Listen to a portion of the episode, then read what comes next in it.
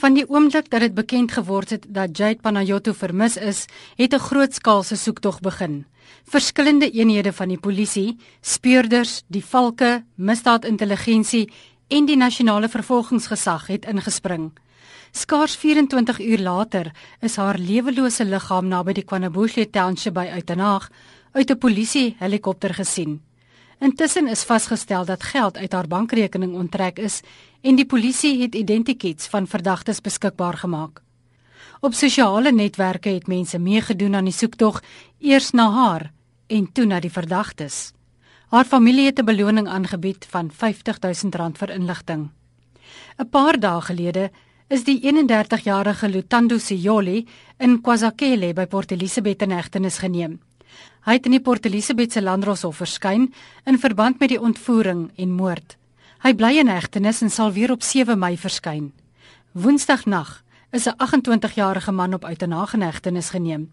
Die provinsiale polisie woordvoerder, brigadier Marinda Mals, sê die staat het 'n sterk saak. Ons het 'n definitiewe prima facie saak teen die verdagtes en op hierdie stadium skakel ons 'n motief van roof geheel en al uit. Die ondersoek duur voort met 'n ondersoekspan geluk gewens met die deurbraak. Dit is egter die aankeer van die 28-jarige verdagte wat die wenkbroue laat lig. Brigadier Mills. Die ander verdagte, 28-jarige man, is in Uitenhage gearresteer en hy sal maandag in die Landdroshof verskyn. Jade Panayotto se eggenoot, die 28-jarige Christopher is 'n sakeman en het tydens sy vrou se begrafnis 'n roerende huldeblyk gelewer oor sy vrou met wie hy byna 2 jaar getroud was, hoewel hulle mekaar al 11 jaar lank geken het. To my bride, my wife, my best friend and love of my life.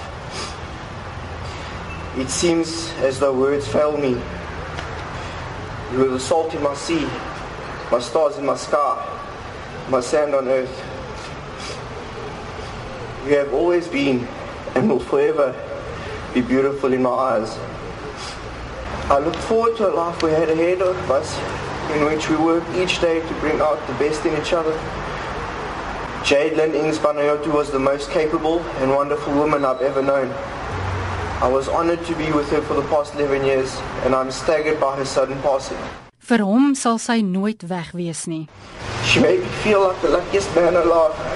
I never quite figured out why she gave her heart to me. Jade was a superb wife. She was a brilliant conversationalist with a silly sense of humor. There was nothing in life I could do without Jade by my side. Jade was my drive to do better. Jade kept me going. In my 28 years of existence, I've yet to meet any human being who could rival her.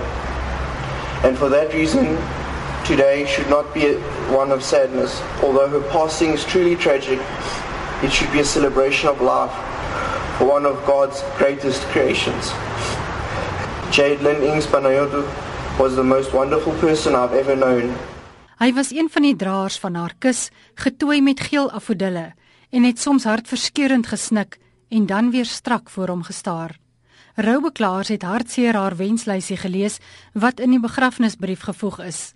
Daarin wou die 29-jarige vrou nog voor haar 30ste verjaarsdag onder meer leer Grieks praat, Griekse gemmerkoekies bak, oor see gaan, 'n waterval sien, vrywillige werk doen en op die strand hardloop. Die ondersoek na die moord van die geliefde juffrou duur voort en die moontlikheid van nog inhegtenisnames is nie uitgesluit nie. Die naam van die tweede verdagte sal eers bekend gemaak word wanneer hy maandag in die hof verskyn het. Veronica Fourie in Port Elizabeth.